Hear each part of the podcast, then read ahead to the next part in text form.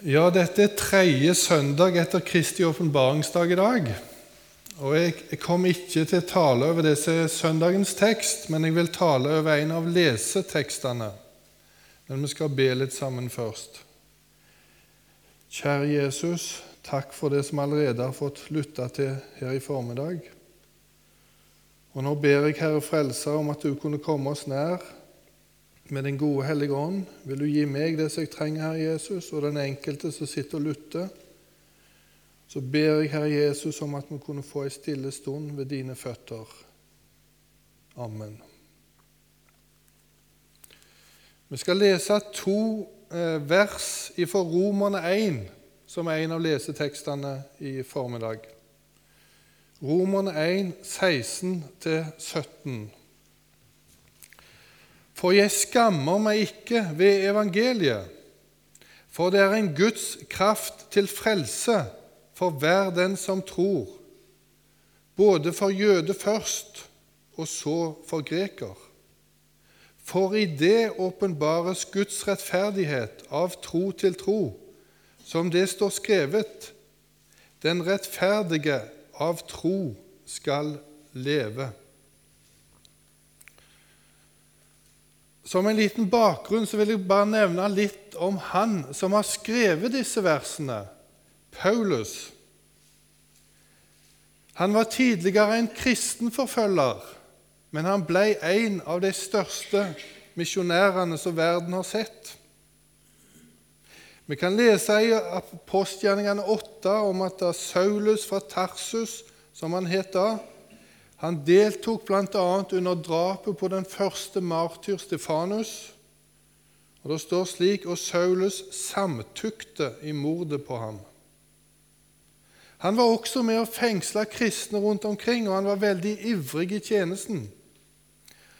I vers, 8, vers 3 så står det men Saulus herjet menigheten. Han trengte inn i hus etter hus og slepte ut både menn og kvinner og fikk dem kastet i fengsel. Men så vet vi hva som skjedde den dagen da Saulus var på vei til Damaskus, og han plutselig hørte en stemme som ropte, 'Saul, Saul, hvorfor forfølger du meg?' Og så ble det et radikalt endring i hans liv. Han ble frelst og han ble en sjelevinner, en av de store, om vi skal bruke et slikt ord. Gud fikk stelle med denne kristenforfølgeren slik at han ble misjonær. Og hvorfor tar jeg med dette til åpning? Jo, for det skal understreke det at det er håp for alle mennesker. Det er kanskje noen som vi ser på som må tenke at nei, den kan aldri bli frelst. Nei, den er det helt umulig for. Kanskje du ber for noen av dine nærmeste så det ser helt umulig ut for skal bli frelst en dag. Tenk da på Saulus, kristenforfølgeren, som Gud fikk stelle med, og som ble en stor misjonær. Det er håp for alle mennesker, for evangeliet det gjelder for alle. Og La oss ta det med oss for denne søndagen. Fortsett å be, for det er også der det ser vanskelig ut. Gud kan gjøre noe som er mye større enn vi aner med et menneske, slik han gjorde med Paulus.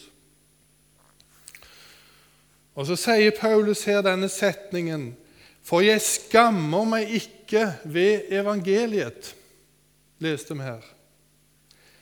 Apostelen visste at den greske filosofien bare ville forakte korsets budskap og kalle det for en dårskap. Og Han sier det i 1. Korinterne 1,18.: For ordet om korset er vel en dårskap for dem som går fortapt, men for oss som blir frelst, er det en Guds kraft. Paulus han var selv overbevist om evangeliet, at det hadde en kraft i seg. Det hadde han opplevd i sitt eget liv. Og det var noe som akkurat den menneskelige natur trenger å høre. Evangeliet er ingenting å skamme seg over, for evangeliet er den troendes ære. Og Til menigheten i Korin så talte han på en slik måte at det enkle budskapet ikke skulle tapes i kraft eller bli blanda sammen med tidenes menneskelagte visdom. Han sier det slik.: Og da jeg kom til dere brødre, kom jeg ikke med mesterskap i tale eller visdom, da jeg forkynte dere Guds vitnesbyrd. For jeg vil ikke vite av noe blant dere uten Jesus Kristus og ham korsfestes. Nei, Paulus skamma seg ikke over evangeliet. Men hvordan er det med meg og deg som sitter her i dag? Hvor lett er det ikke å skjule sin kristne identitet og sitt kristne vitnesbyrd ute i verden Du må møte de som ikke kjenner Jesus? Det kan koste å sitte inne i kantina sammen med dine ikke-kristne arbeidskollegaer å bøye hodet til ei bordbønn før du begynner på nistepakken. Og jeg, jeg, har, jeg, har, et eksempel fra mitt eget liv som jeg tenkte jeg ville nevne. Jeg reiser mye over til Tysvær, og da stopper vi jo på billettluka ute i Mortavika. Og det er av og til at vi har på en kassett der vi spiller kanskje kristen musikk, og så er det så veldig lett da du åpner opp vinduet og skal betale, at du skrur ned musikken litt. Har du opplevd det samme? Skammer jeg meg egentlig over evangeliet? Gjør du det? Jesus kommer med en klar advarsel i Matteus 8,38. For den som skammer seg over meg og mine ord i denne utro og syndige slekt, Ham skal også menneskesønnen skamme seg over når han kommer i sin fars herlighet og med de hellige engler. Kjære venner, la oss ikke skamme oss over dette budskapet, som redder oss, som førte til at vi en dag skal komme hjem til himmelen. Det er bare evangeliet vi har å stole på, og må vi ikke skamme oss over det. Nå skal jeg stanse litt for en, en fyr eller en person som ikke skammer seg over evangeliet. Han heter Liban Musa. Han er en kristen somalier. Og Like før jul så fikk jeg eh, intervjue han, der han sto fram både med bilde og navn. Og Du ser han her der han sitter og leser i det somaliske bibelen sin.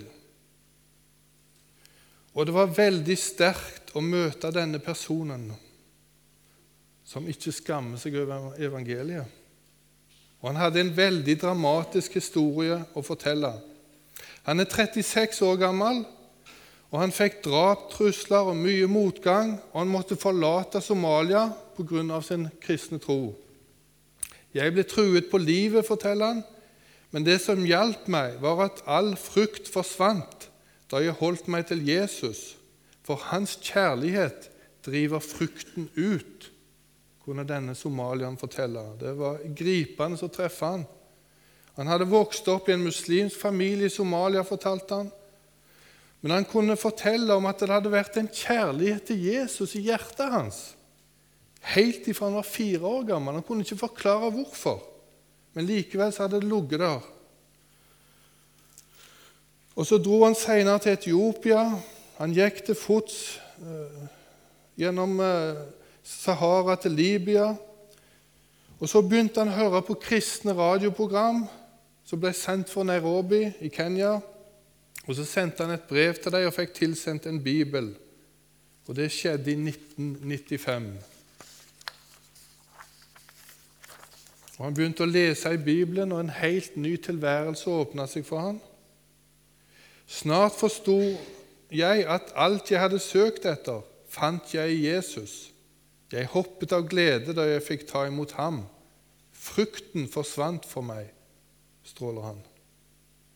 Og Så dro han til Øst-Afrika og vitna om Jesus både i Etiopia, Kenya og Uganda. Du kan gjerne ta det andre bildet. Det er et bilde til og en litt nærbilde. Og I 2002 dro han tilbake til Somalia, men han fant snart ut at som kristen så måtte han rømme fra sitt hjemland, for det var så vanskelig der å være en kristen. Først dro han til Eritrea, og så til Sudan, og så til Libya. Og så kom han over til Europa, til Italia. Og så havna han i Norge i fjor. Og Da jeg traff han, da måtte han reise ut igjen av Norge, for da hadde han bare tre måneders turistvisum, så han måtte ut igjen av landet.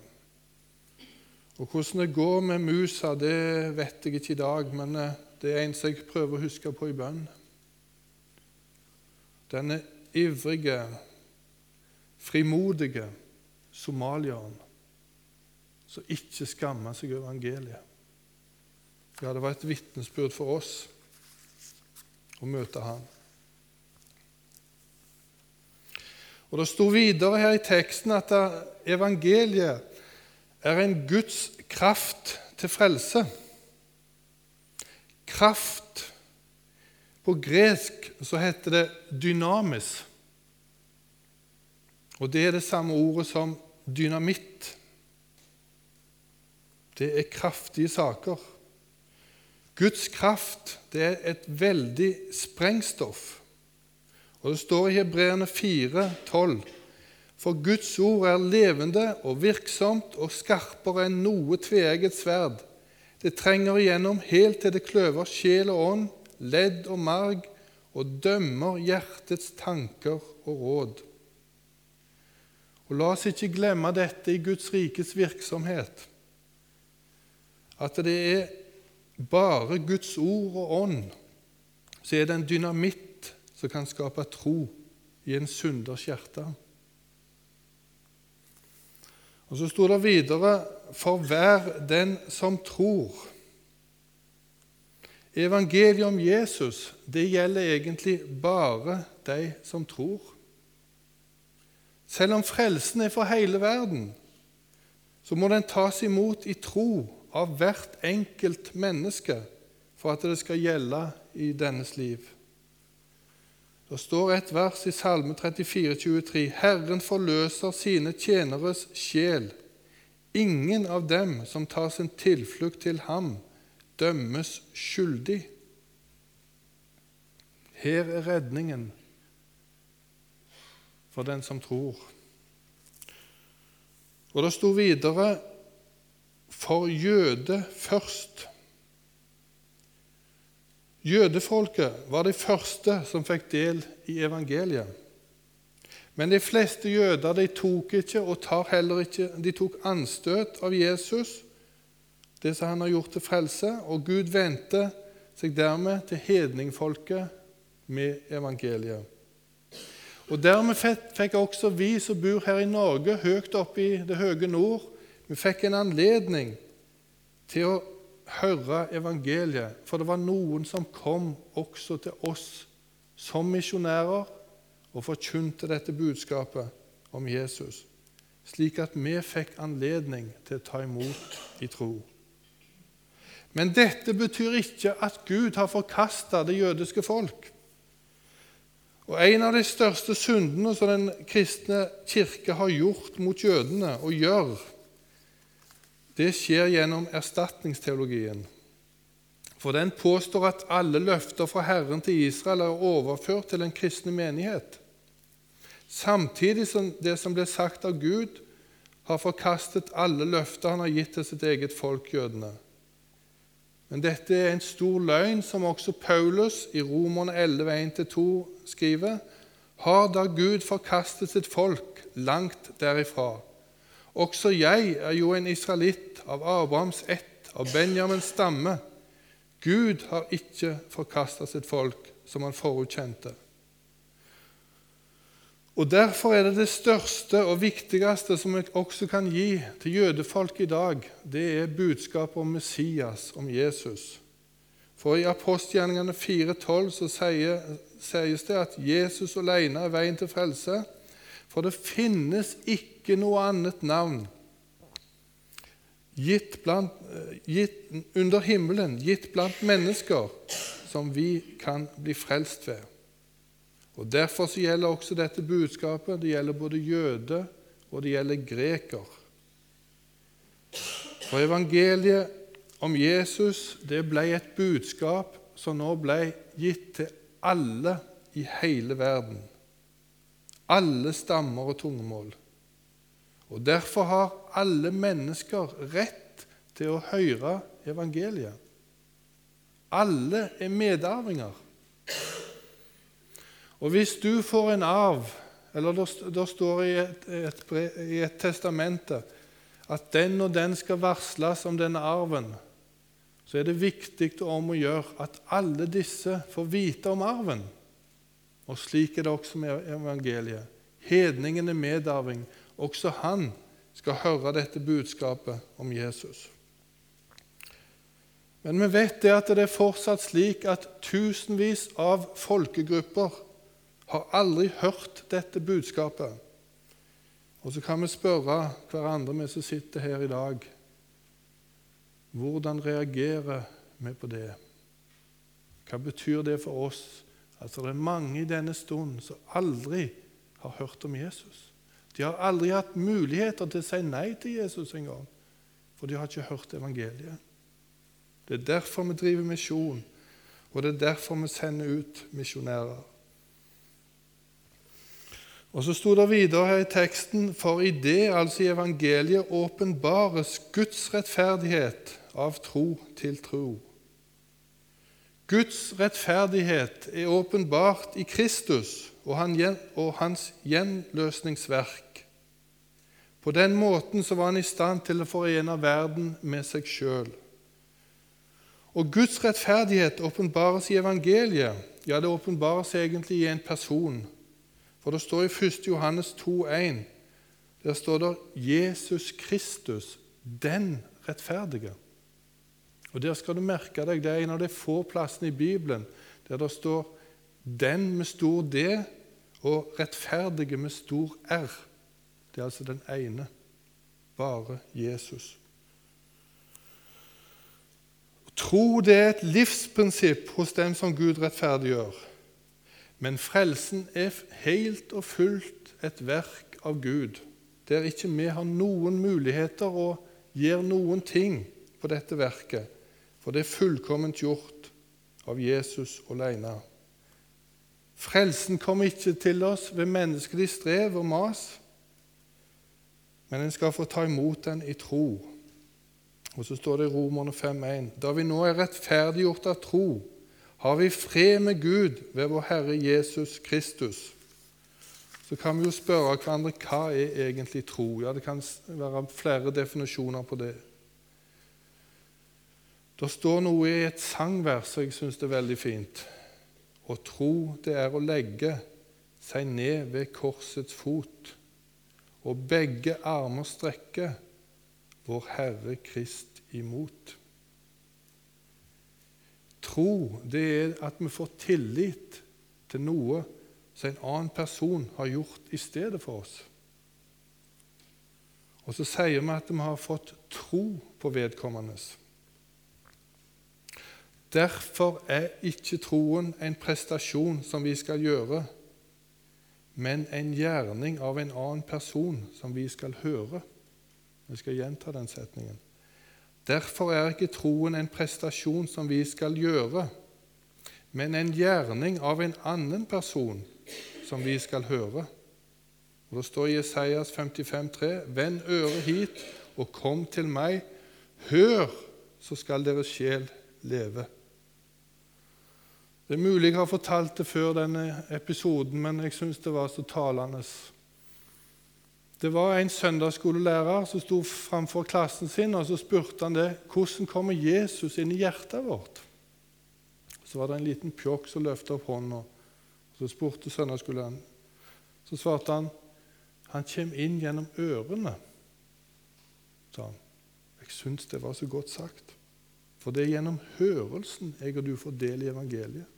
For vi får lov til å lytte til et budskap om noe som en annen person har gjort for å frelse oss som han har gjort 100% Og så skal vi få lov å ta imot dette budskapet.